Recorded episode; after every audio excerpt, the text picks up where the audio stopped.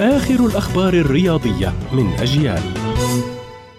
أهلا ومرحبا بكم إلى موجز لأهم الأخبار الرياضية. أعلنت رابطة اللاعبين المحترفين بالدوري الإنجليزي الممتاز فوز مهاجم مانشستر يونايتد النجم البرتغالي كريستيانو رونالدو بجائزة الأفضل في البريمير ليج عن شهر إبريل الماضي بعد تألقه خلال مباريات الشياطين الحمر. أعلن مدرب ليفربول يورجن كلوب جاهزية الثنائي محمد صلاح وفيرجيل فان دايك للمباراة النهائية لدوري أبطال أوروبا بعد تعافيهما من الإصابة التي لحقت بهما في نهائي كأس الاتحاد الإنجليزي لكرة القدم الأسبوع الماضي. وستقام المباراة النهائية لدوري أبطال أوروبا لهذا الموسم بين ريال مدريد وليفربول على ملعب الساندوني في فرنسا نهاية الشهر الجاري.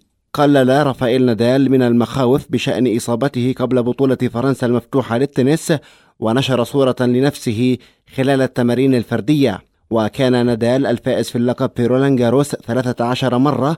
قال منذ أيام إن التدريبات اليومية تمثل تحديا له وأكد أنه سيصطحب معه طبيبا إلى باريس بعد معاناته من إصابة مزمنة في قدمه في بطولة روما المفتوحة. كانت هذه أبرز الأخبار الرياضية. كنت معكم محمد سمحان.